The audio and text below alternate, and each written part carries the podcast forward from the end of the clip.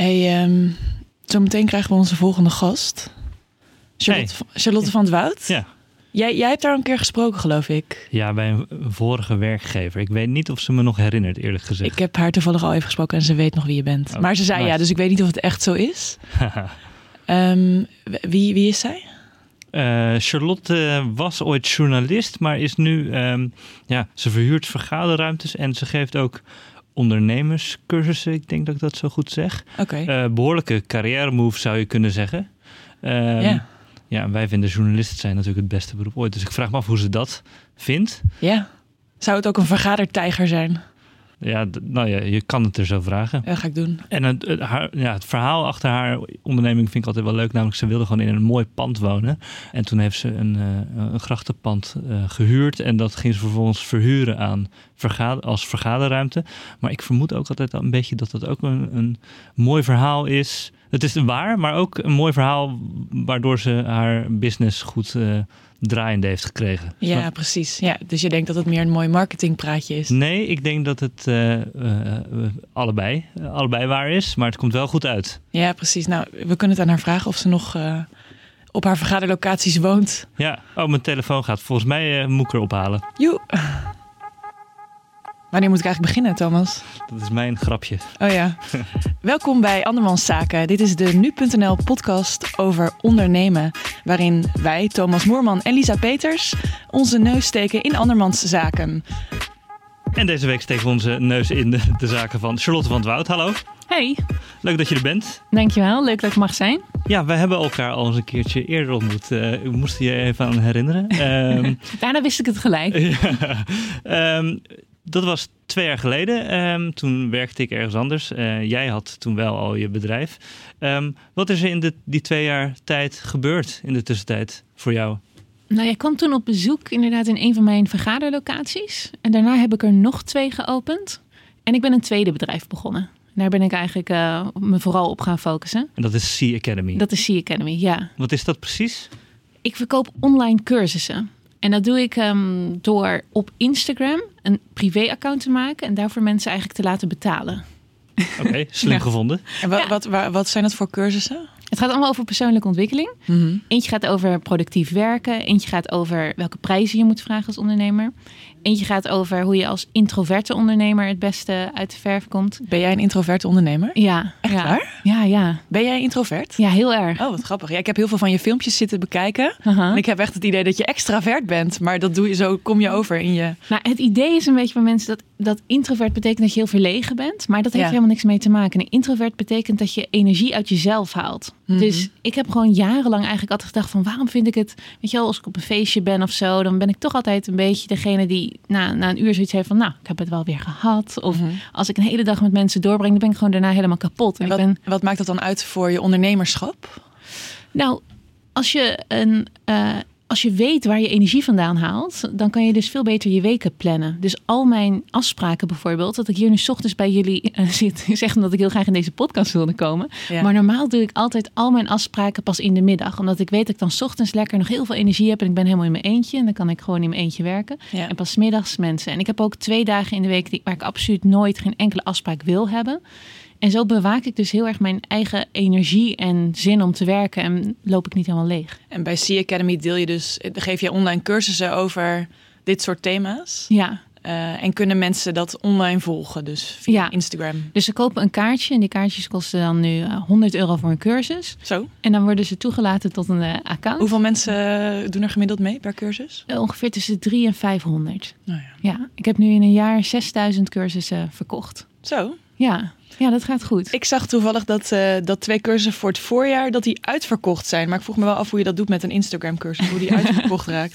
Nou, het is altijd slim om als, eh, als je cursussen verkoopt, om te zeggen er is een bepaald beginpunt en er is een bepaald eindpunt. Want dan worden mensen eigenlijk meer getriggerd om het te kopen.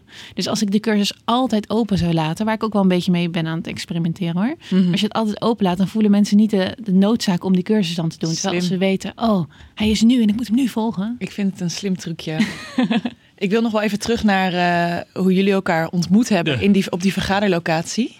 Ehm, dat klinkt vrij saai, een vergaderlocatie. Eh, hoe, hoe ben je daar mee begonnen? Ja, ik Ben jij zo'n zelf- vergadertijger? Nee, ik vind zelf ook altijd best wel saai klinken, maar er, ik weet geen sexier woord ervoor. Het is, ehm, nee, ik, ik heb een hele tijd heb ik over de wereld gereisd en toen kwam ik terug in Amsterdam en ik kwam ergens driehoog achter in een appartementje terecht en ik dacht ik wil een ander leven. Ik wil gewoon in een heel mooi grachtenpand wonen. Want even voor de luisteraar, je was tot die tijd journalist. Ja. En ik denk dat ik nu even uit de waan kan spreken. Daarmee ga je niet heel veel geld verdienen. Het gaat in ieder geval wat moeilijker worden om in een grachtenpand te wonen. en ehm, toen ging ik gewoon originele manieren bedenken hoe ik het kon betalen om zonder gigantische eh, geldzak ergens op de, op de gracht te wonen. Ben ik een pand gaan zoeken en toen dacht ik, ik ga mijn eigen woonkamer verhuren als vergaderruimte. En dat ben ik gaan doen. Dus ik heb een pand op de Prinsgracht gevonden. Ik ben daar gaan wonen en ik heb het helemaal zo ingericht dat er in principe een groep van 10 à 15 mensen kon vergaderen. Dus een whiteboard gekocht en eh, allemaal pennen neergelegd, et cetera. Hoe wist je wat een, wat een goede vergaderruimte is? Nee, dat wist ik helemaal niet. ik dacht gewoon zelf van, wat lijkt mij nou chill? Dus ehm, ik moet zeggen, ik ben nooit in vaste dienst ergens geweest. Dus ik heb helemaal geen ervaring ook met vergaderingen. Maar ik dacht gewoon, ik wil lekker op een bank zitten. Ik wil dat lekkere kleedjes in de buurt zijn. Ja. Ik wil gewoon een beetje luxe allemaal. Ja. Dus dat ben ik gaan maken. En toen ben ik bedrijven gaan aanschrijven van... hey, je kan bij mij vergaderen, is helemaal mooi en hip. En kom langs, gratis de eerste keer, gratis lunch. Toen kwamen er bedrijven en eigenlijk vanaf week twee is het al eh, heel goed gaan lopen. Maar een belangrijk onderdeel van, eh, van werk of eh, nou ja, on- ondernemen is ook dat je er gelukkig van wordt, denk ik. En nou ja, wij zijn, Lisa en ik zijn allebei journalist. en dat vinden wij een leuk beroep. Dus wij kunnen ons direct makkelijk voorstellen ehm, dat je in je vorige carrière dat dat echt ja, een soort van roeping was misschien. Of gewoon dat je dat leuk vond. En als je dit zo vertelt, je doet het met heel veel energie, maar het blijft moeilijk voorstellen voor iemand anders dat je, het, dat je er veel voldoening uit haalt om een vergaderruimte te eh, verhuren. Snap je wat ik bedoel? Nee. Nee? Nee. Nee, ja, ik vond voor mij was journalist zijn. Ik vond het leuk hoor. Maar Ja. Ik vond eigenlijk vooral juist het ondernemen aspect leuk. Ik was freelance journalist. Ik vond het juist te gek. Dan ging ik één iemand interviewen en ging daarna het stuk aan vijf verschillende media verkopen. En het idee dat je gewoon, weet je, ik zat altijd te denken: hoe kan ik dit sneller doen? Hoe kan ik het efficiënter doen? Hoe kan ik meer geld verdienen?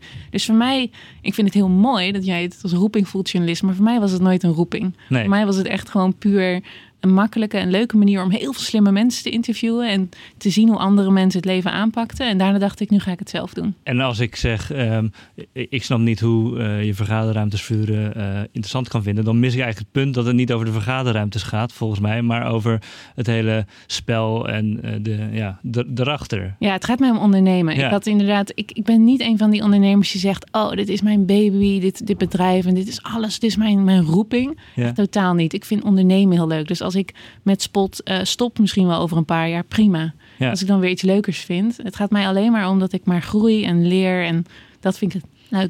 Ik hoorde jou ergens zeggen dat jij zo'n 30 domeinnamen in je bezit hebt voor alle halve ideeën die je bezit waarmee je ooit dacht miljonair te worden.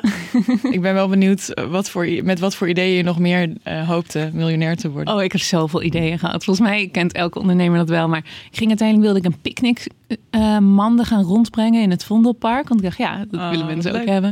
Ik heb, een, ik heb een jaar gedaan om een soort van reisblog op te zetten. Wat eigenlijk nooit van de grond is gekomen. Oh, er, is zoveel. Ik weet het even niet meer allemaal uit de top van mijn head. Maar als, je, als, je, als ik zou willen, zou ik elke week een ander nieuw bedrijf kunnen opzetten. en nu ben ik gewoon iets te druk met deze twee. Maar Wat zou de max zijn? Is dat twee voor nu?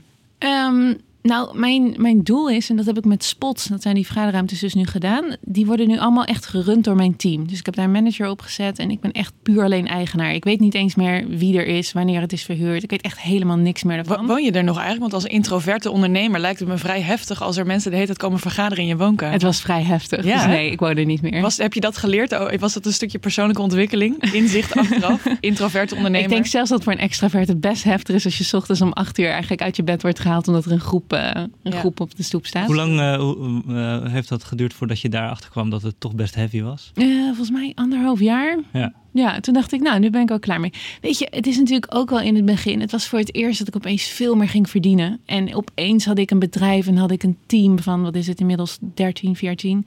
Eh, en het was gewoon ook een enorme rollercoaster. Dus die adrenaline van, wauw, dit is te gek en het werkt. En Mhm. weet je wel, het concept, eh, concept slaat aan. Dat hield me ook wel op de been. Maar ik was ook wel opgelucht dat ik nu gewoon in mijn eigen grachtenpand woon. Heb je zonder nu je eigen grachtenpand? ja, Ja? ik huur het nog steeds. Ik huur nog steeds. Maar ehm, ja, ook wel lekker mooi aan de gracht. En ik was nog even benieuwd, wat voor klanten komen er eigenlijk bij jou vergaderen? Want ik kan me voorstellen dat veel eh, bedrijven zelf ook wel een vergaderruimte hebben. Dus wat, waarom zou je dan eh, Ja. dat apart gaan huren? Nou, ze willen het dus huren omdat het een hele mooie omgeving is. En ik dus die lekkere banken er heb neergezet. Ja. Maar ehm, Apple is een klant van me, de burgemeester van Amsterdam, Booking.com, eBay, de, alle banken eigenlijk van Nederland. Dus het zijn echt de hele grote bedrijven. ja. Het is natuurlijk ook al, het is een beetje high-end. Dus qua prijs is het denk ik ook voor een eh, Wat, wat kost het bijvoorbeeld? Ik weet niet, je hebt vast verschillende ruimtes, maar een gemiddelde ruimte Ja. in jouw eh, vergaderlocatie? 800 euro per dag. Oh ja. Heb je dan ook koffie en iemand die het rondbrengt? Nou, de koffie en thee en zo, die moet je dan nog apart kopen. Slim. Maar voor 30 euro per persoon heb je alles de hele dag. De Nou ja. taartjes van de lekkerste bakkers, lunch, et cetera. Leuk. Het doet ook wel volgens mij wat met je creativiteit, toch? Als je in een andere vergaderruimte zit dan, nou ja, hier op, op de werkvloer. Ik had toevallig deze week eh, een strategiedag met alle chefs en managers eh, hier van nu.nl. Op een woonboot hoorde ik. Ja, ehm, en het is, ja, je doet toch zo'n dag niet hier. Je wil Ja, ja, ik hoop uit. het. Ja, dat is mijn verdienmodel. Dus ik hoop inderdaad dat het werkt. Ja. Volgens mij wel. Bedacht je dat ook al toen je hiermee begon of was het gewoon toeval eigenlijk? Nou, ik was in het begin, en dat is altijd een beetje een no-go om te zeggen als ondernemer. Maar ik was vooral bezig van, goh, hoe ga ik nou op een slimme manier geld verdienen Ja. en in een grachtpand kunnen wonen. Dus het was voor mij ehm, eigenlijk gewoon dat ik hoopte dat het zou werken. En natuurlijk zie ik zelf die, die voordelen er wel van in. En ik hoor het ook van klanten terug dat ze een fantastische dag hebben gehad en zoveel stappen hebben gezet. Dus ik weet nu wel dat het werkt. Maar Hoe, hoe belangrijk is geld eigenlijk voor jou? ja, best wel belangrijk. Ik vind het, ik, ik praat er heel veel over, want ik ben dus elke dag aan het vloggen op mijn eh, Instagram. Ik praat er veel over en ik, wil, ik doe dat bewust, omdat ik juist het taboe wil doorbreken over, over geld. Ja. En voor mij geeft geld gewoon heel veel vrijheid. Het, het zorgt ervoor dat je bepaalde dromen kan waarmaken. En het zorgt er, en dat vind ik het meest interessante, het zorgt ervoor dat je zelf dus kan blijven doorontwikkelen. Als ik nu opeens bedenk, weet je wat, ik heb zin om eh, te leren schilderen, dan kan ik gewoon een doek kopen en verf. En ik hoef niet na te denken, oh, dat kost misschien 300 euro. Hm, heb ik nu niet. En dat vind ik, dat vind ik fantastisch. En dat Ja. was mijn grote doel. Dat ik nooit meer hoefde na te denken over als ik me ergens in wilde ontwikkelen. Ja. Over of het misschien te veel geld kost. En volgens mij, er is altijd zo'n grens, geloof ik, dat als mensen meer dan 60.000 euro per jaar verdienen, ik, of het kan ook 80 zijn, dat het dan eigenlijk vanaf dan niet zoveel meer uitmaakt hoeveel meer ze verdienen. Ehm, zijn er ook dromen die jij wel zou willen waarmaken, maar waar- waarvan je nu denkt, "Mwah, dat kan ik eigenlijk nog niet betalen? Oh ja, tuurlijk. Er zijn nog steeds dingen die ik niet kan betalen natuurlijk. Maar ehm, ja, kijk, 60.000. Alleen al in mijn, in mijn zelfontwikkeling. Ik ga heel veel naar seminars en ik ga, ik doe heel veel coaching en zo. Steek ik zo ongeveer 50.000 euro per jaar. Dus voor mij zou 60.000 euro per jaar verdienen, dat, dat zou net Ja. iets te weinig zijn. Ja. Wat ik graag allemaal wil. Ja. Eh, er is een bepaald coachingprogramma van Tony Robbins. Het is zo'n Dat is, dat is een beetje jouw guru, hè? Ik Ja. heb hem wel voor, vaker voorbij zien komen Ja. in jouw... eh, ja, ja. Wat, vind je, hem- wat vind je zo goed aan hem? Nou, eh, hij leert je alles over mindset. En ik geloof echt dat alles in het leven inderdaad begint met hoe je over dingen denkt. En ik vind hem de beste, de beste leraar daar eigenlijk in. En ik ben daar een paar keer naar seminars geweest. Ik reis echt de hele wereld erover rond om, eh, om, om dat te volgen. Zegt hij niet heet het hetzelfde? Jawel, jawel. Ik kan sommige dingen uit mijn hoofd. maar soms is het goed om dingen meerdere keren te horen. Ja, Maar wat, wat is hij dan eigenlijk? Ik ken hem niet hoor. ja, het is een. Je zou kunnen zeggen motivational speaker. Maar hij, ja, hij heeft ook hele grote seminars. En gaan mensen met z'n allen springen. En dan roept hij allemaal vrolijke dingen. En nou ja, zo een beetje. Ik weet Ja. nog, eh, eh, toen wij elkaar twee jaar geleden spraken, ik wil er niet de hele tijd aan terugrefereren, maar één ding wat ik wel heb onthouden, daar, dat wat me opviel uit dat gesprek toen, is dat jij zei, ik geloof heel erg in bluffen. En ehm, geloof je daar nog steeds in? En eh, hoe bluff je jezelf eh, door het leven? Vraag me ook af. Ja, ik, ik denk dat ehm, ik, ik het bluffen dan iets meer zie in de zin van je gaat geloven dat je een bepaald iets echt daadwerkelijk gaat bereiken of hebben. En dan ga je er ook zo naar gedragen. Dus bijvoorbeeld, ik heb een PA aangenomen een tijdje geleden. En als, als ik heel sec had gekeken naar heb ik nu een PA echt nodig, dan was het misschien niet zo. Maar omdat ik al in mijn hoofd helemaal had bedacht, ja, maar ik heb zo meteen een heel groot team en ik heb nog geen tijd meer om bepaalde dingen te doen, dan was ik al helemaal in mijn hoofd bezig met de Charlotte in de toekomst. En daarom nam ik een PA aan. En zo leef ik nog steeds. Dus ik ben eigenlijk altijd al bezig. Waar wil ik uiteindelijk staan? Wat is het eindresultaat wat ik wil hebben? En welke keuzes maak ik dan in het hier en nu? Die eigenlijk mij zo snel mogelijk daarheen brengen. Je bluft eigenlijk een beetje voor jezelf. Ja, ja, Ja. ja. ja, maar, want maar ik, bluff je dan ook wel eens naar andere mensen toe?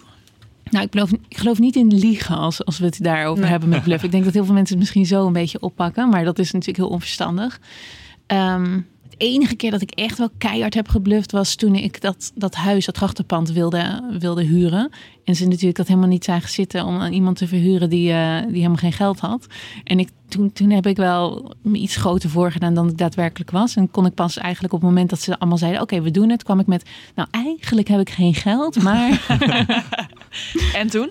Nou, ik had gezegd, ik kan de huur voor zes maanden voor, eh, betalen. Want dat kon ik. Eh, als ik dat nu allemaal in één keer geef, mag ik dan alsjeblieft toch huren? En toen zeiden zij van nee, dat hoeft niet. Dat was heel fijn, want toen heb ik daar meubels van gekocht. Oh ja. Ja. En anders, wat had je anders gedaan? Dan had je geen geld voor meubels. Dan had ik inderdaad geen, dan had ik gewoon een leeg grachtenpand gehad. had ik ook wel opgelost. Ja? Helemaal vintage. Bijvoorbeeld. Ja, gewoon helemaal minimalistisch. Ja. Hey, we hebben ook een eh, vraag van vorige week. Eh, Camille Richardson van OneFit. Ken je OneFit? Ja, Ehm, eh, nou ja, hij heeft één of ja, eigenlijk meerdere vragen eh, gesteld. Eh, zo klinkt dat. Ik, ik, vra- ik ben wel ook wel erg benieuwd hoe ze, hoe ze erbij is gekomen, zeg maar. Erbij, eh, omdat het best wel een grote markt al is, zeg maar. En hoe zich dan heeft, eh, onders, hoe ze een niche heeft bepaald, zeg maar. En, eh, en hoe ze verder zou willen schalen. En of dat het helemaal niet belangrijk is voor haar. Voor de goede orde, eh, hij heeft het hier over, ehm, over de vergaderruimte Spot. ja. En niet over de Sea Academy. Eh, nou ja, je, kan, je mag van mij ook de vraag beantwoorden op allebei eh, de bedrijven. Ja, weet je wat het is? Want ik ben natuurlijk Spot begonnen als eerste bedrijf. Ja. En dat is dus in het hier en nu een, een- hoe ik het noem, offline bedrijf. Dus een echt bedrijf met stenen pannen. En dat vinden mensen altijd heel cool. Daar word ik ook altijd naar gevraagd, naar mijn Spot. Want dat is tof. Ze heeft allemaal grachtenpannen. Dat andere bedrijf, ik, wil niet, ik weet niet, ik weet niet hoor, maar het is echt tien keer interessanter. Ja? Het is echt qua omzet alleen al. Je kan gewoon online kan je helemaal schalen. Dus als je vraagt over schaalbaarheid. Ik heb nu net ben ik een membership begonnen. Een membership voor ondernemers. En voor 60 euro per maand mogen ze opnieuw op een bepaald Instagram-account waar ik tips geef. Meer dan duizend ondernemers doen dat per maand. Mensen betalen echt 60 euro per maand? Ja. Wauw. Meer dan duizend. Ja. En dat gaat- loopt nu al een paar maanden. Ja. En die online cursussen, die heb ik ooit één keer gemaakt, eh, gemaakt. En die lopen gewoon, die laat ik natuurlijk elk jaar dus opnieuw lopen. Dat is nog zo'n goed businessmodel. Dus ja. het is een veel beter businessmodel. Dus Ja. ik vind altijd de nadruk. Het is, het is iets romantisch als een ondernemer ergens een restaurantje heeft. Of, of dus zoals ik een paar, een paar eh, vergaderlocaties. Mhm. Maar online gebeurt zoveel. Het is Ja. zoveel le- leuker en interessanter. Dus ik ben eigenlijk vooral daarmee bezig. Ik ben alleen maar bezig met hoe kan ik Sea Academy, hoe kan ik meer, ik ben een nieuwe cursus aan het ontwikkelen. Hoe kan ik daarin groeien? Hoe kan ik daarin, weet je wel, hoeveel ads ga ik, eh, adverte- advertenties ga ik laten lopen? Hoe ga ik dit nog groter maken? Wat ik wel grappig vind is dat je bij die cursus eh, heel veel thema's aanstipt. Inderdaad, wat je- wat je al zei, hoe kan je jezelf verkopen als ondernemer? Hoe kan je jezelf profileren op sociale media? Maar het gaat ook heel erg over ondernemer zijn. Mhm. Je bent zelf, nou ik weet niet of ik je beginnend ondernemer kan noemen, maar, maar je bent nog niet heel lang ondernemer. Mhm. Eh, hoe vind je dat zelf om dan toch cursussen te geven over ondernemen? Ja, ik vind dat niet zo moeilijk, want ik ben, ik ben eigenlijk natuurlijk al wel tien jaar ondernemer, want daarvoor was ik ook ZZP'er. Ja, precies. En ik lees elke week een businessboek. Echt? ja, dus ik heb meer dan 500 van die boeken gelezen. En ik, Wat is je favoriete? ehm, nou, dat is een beetje half business, half self-help, maar het is ehm You Are Badass. Dat vind ik een geweldig Van boek. wie is die? Van Jen Sincero. Oké. En als je je bedrijf een beetje strak wil trekken, vind ik Traction heel goed. Maar ik weet even niet wat daar de schrijver van is. Mhm. Maar ja, mensen zien natuurlijk op zich wel het succes wat ik heb. Dus dat scheelt denk ik eh, met die cursussen. En het is, ehm, ik weet niet, ik, ik, ik geloof niet per se in heel veel business coaches. Bijvoorbeeld, die hebben zelf ook geen eigen bedrijf. Ik sta natuurlijk wel heel erg met een soort van, hoe noem je dat? Voeten in de modder? Of, Mhm. Eh, ik denk dat dat gewoon heel erg werkt Ja. als je cursussen Dus verkoopt. Spot geeft jou eigenlijk een beetje de, de legitimiteit om Sea Academy te hebben. Ja, en denk ik ook überhaupt ook aan mezelf. waar- Ik ben gewoon heel transparant en open. Dus ik vertel gewoon aan mijn volgers. Oh, ik ga zo meteen de cursus ga ik promoten. Oh, ik heb er nu duizend euro in advertenties gestopt. Oh, ik heb deze fout gemaakt. Dus ik, ik gooi gewoon mijn business open. En daarna verkoop ik cursussen om ze dus te leren de, stat- de strategieën die ik doe. Hoe belangrijk is eh, Instagram hierin eh, voor jou? Eh, kan je eigenlijk wel zonder? Nou, op dit moment zou het wel rot zijn als ik van Instagram gegooid zou worden, bijvoorbeeld. Ik heb, Maar- ik heb twee weken geleden mijn Instagram-account verwijderd. Oh, En mijn Facebook en mijn WhatsApp. oh wauw. Ja. Drastisch. Ja, Oh, en? ik heb het idee dat wij een beetje tegenovergesteld zijn van elkaar. dat jij heel aanwezig bent op so- sociale media en ik wilde niet meer. Ik Oh, wil ja. helemaal zonder. Ik geloof, en dit is een onpopulair standpunt, maar die heb ik vaker. Ehm, je hoort, wat, wat ik vind, soms als mensen zeggen, oh, dat is niet het echte leven, Instagram. Ik denk altijd, het is zo fantastisch. Door Instagram ben ik verbonden, nu echt letterlijk met duizenden mensen. Het, het geeft me inspiratie. Het geeft me, zelfs als ik een hele dag binnen zou zitten, wat ik dus als introvert heerlijk vind, geeft me alsnog het gevoel dat ik verbonden ben met mensen. En dat ik, dat ik sociaal ben geweest. Dus ik vind gewoon social media niet slecht. Het heeft bij mij geen slechte invloed op mij. Dus ja, ik, ik geniet er wel heel erg van. Maar is het niet, eh, eh, nu heb je het over eh, sociale media als, als platform, maar het is ook, Instagram is ook een bedrijf. Het is eigenlijk alsof je eh, compleet afhankelijk bent van de Albert Heijn of eh, Ja. een ander Nou, bedrijf. ik heb nu, mijn cursussen ben ik nu aan het maken gewoon echt op video, video. Dus Ja. niet alleen maar op Instagram. Dus daar heb ik natuurlijk wel over nagedacht. Mm. Je kan niet een six-figure business alleen op Instagram Nee. runnen wanneer het misschien opeens eh, dingen gaat veranderen. Dus nee, daar ben ik mee bezig. Uiteindelijk draait het natuurlijk om de content. Mijn cursussen worden zo goed verkocht en dat membership wordt, loopt zo ontzettend goed, omdat ik gewoon goede content geef. Dus het is niet per se de vorm van Instagram. Het is gewoon mensen zijn blij met de cursus, zien dat er veranderingen gebeuren en denken, hé, hey, dit gaan we aanbevelen bij anderen. Vlogde je eigenlijk veel ook voordat je hiermee begon? Of was je heel actief op sociale media voordat je echt met deze twee bedrijven eh, begon? Nee, ik ben pas twee jaar geleden begonnen op Instagram eigenlijk. Ja, ik vond het ook doodeng de eerste keer een filmpje maken. Hoezo? Ja, het is heel raar om jezelf te zien praten. En je moet ook, weet je, iedereen om je heen heeft een beetje zoiets als je begint met vloggen. Wat ga je doen? Wat, ben, wat soort nep-influencer ben jij dat je opeens, weet je wel? Oh. Je Wat mee- ga je dan doen? Wil je, Ja. wil je het doen? Wat? Vloggen? Hoe, hoe bedoel je? Nu? Nu? Dat ik, Jij vlogt elke dag, toch? Ja, prima. ik heb hem op vliegtuigstand, maar... je wilt live nu dit even vloggen? Ik ben wel gewoon benieuwd hoe dat eruit ziet. Ja, ik ook. Nou, dan pak ik mijn telefoon. Die hou ik ongeveer op ooghoogte. En dan ben ik nu aan het, eh, aan het vloggen. En dan kijk ik zo meteen dan Hoeveel mensen kijken er nu? 25.000. Maar het is... Oh. ehm, Zo. eh, eh, ze kijken natuurlijk op het moment dat ik het nu post. En dan moet er dan wel altijd even ondertiteling bij doen. Ja. Dus ik post hem nu over twee minuten, want dan heb ik tijd om ondertiteling bij te Wil doen. je ook even de hashtag van de podcast erbij zetten? Ga ik allemaal doen. Andermanszaak. Oh, maar dat is er wel. Maar die beheer jij dan gewoon niet. Nee, dat is waar. Die is nee, ook we helemaal hebben niet. geen. Nee. eh, dit Oh. is eigenlijk best Sorry, dom. ik snap Instagram dus ook niet. Sorry. Nee, ja, het zou ook slecht zijn om eh, te laten managen door iemand die net van eh, alle sociale media is gestapt. Ja, Toch? Hè? dat zou wel dom zijn, ja. Eh, maar jij bent dus twee jaar geleden pas begonnen en toen vond je het ook een beetje, eh, was het ook een beetje onwennig voor jou. Ja, ja.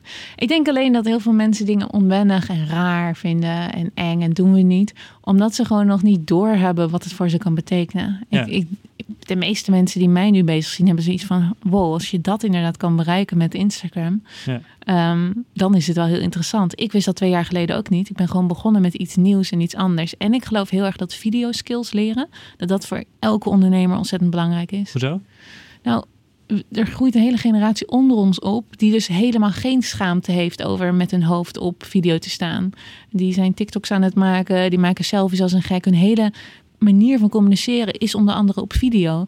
En als wij ons maar blijven volhouden dat het narcistisch is en raar is, en dan, ja, dan doe je uiteindelijk gewoon niet meer mee. Als een hele jongere generatie zo meteen allemaal aan het werk gaat en dat wel normaal vindt. Het is ook best moeilijk om, eh, nou we zijn natuurlijk best vaak op zoek naar leuke ondernemers te vinden voor in onze podcast. Het is best moeilijk om ondernemers te vinden die jong zijn, eh, laten we zeggen onder de 40 en niet ook influencer worden genoemd. Omdat het eigenlijk vaak hetzelfde is. Maar is dat erg? Ik heb niks nee, tegen nee, het woord dat- ik, influencer. ik, ik vind dat niet erg, maar dat is opvallend. Dat het vaak hand in hand gaat tegenwoordig. Ik denk, ja. Maar dat is denk ik ook wel heel logisch. Omdat je als je nou eenmaal een bepaalde rol vervult of ehm, een bepaald cool bedrijf hebt, dat mensen dat dan inspirerend vinden en gaan volgen. Ja. Ja. Ik las op eh, De Ondernemer dat je behalve die 25.000 Instagram-volgers...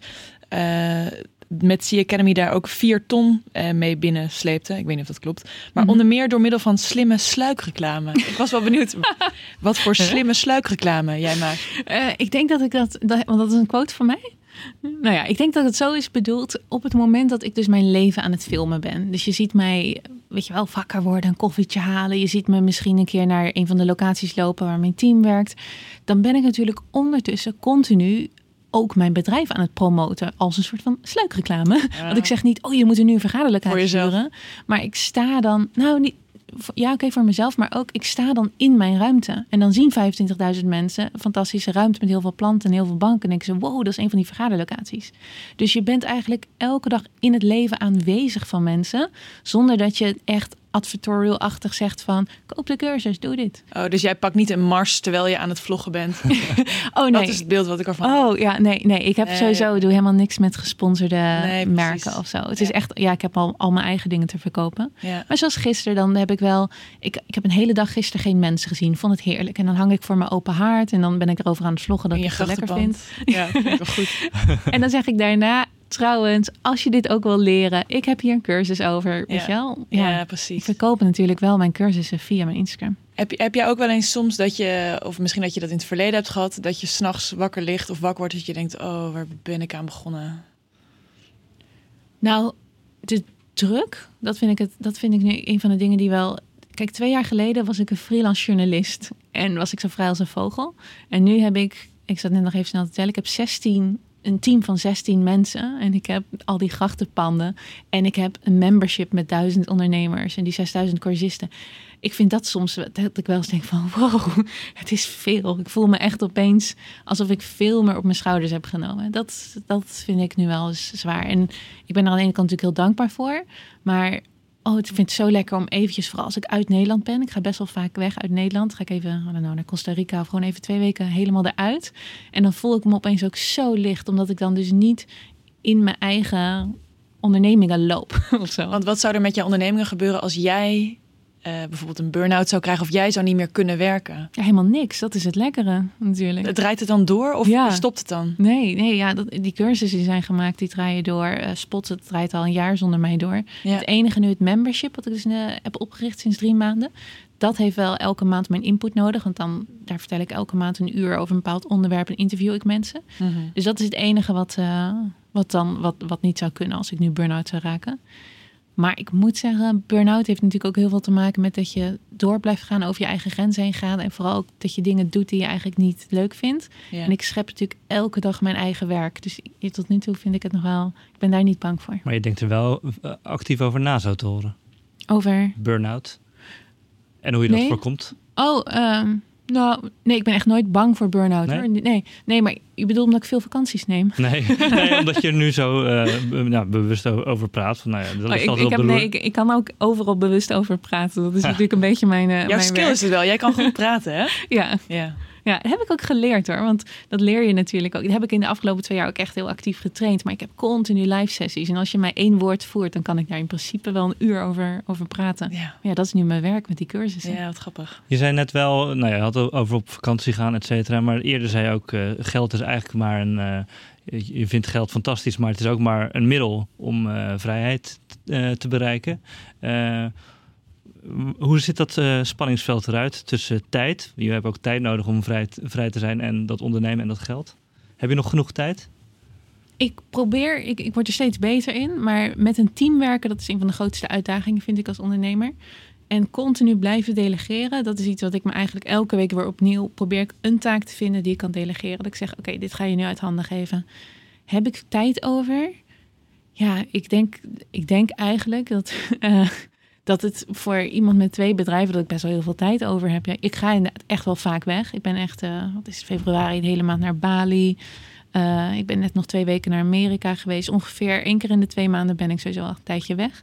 Ik vind het heerlijk tijd. Dat is voor mij juist dat is mijn grote uitdaging als ondernemer. Dat je dus eigenlijk tijd terugkoopt door andere mensen in te huren. Is dat iets dat je hebt geleerd uh, of wat je altijd al hebt gekund?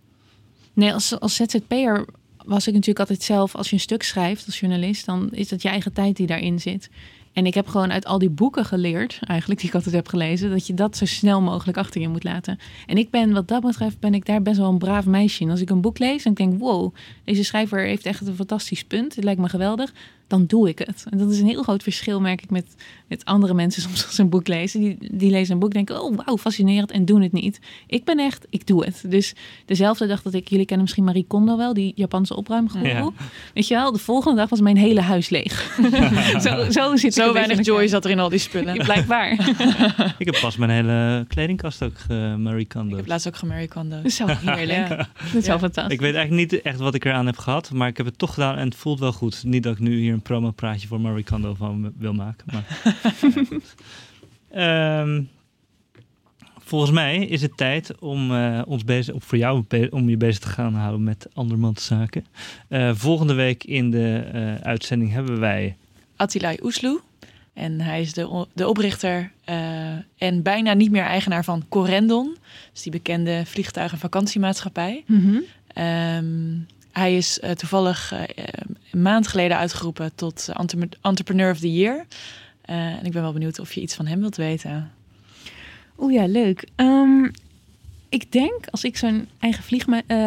ik, ja, ik zou het allereerst denk ik benieuwd zijn naar... gebruikt hij zijn eigen hotels en vliegtuigen om op vakantie te gaan? Of, of weet je, kan die het maken om gewoon een keer te denken, weet je wat, ik ga, in, uh, ik ga met KLM of ik ga met een heel ander vliegtuig, of ik ga een heel ander luxe hotel naast mijn eigen hotel zitten. Oh ja.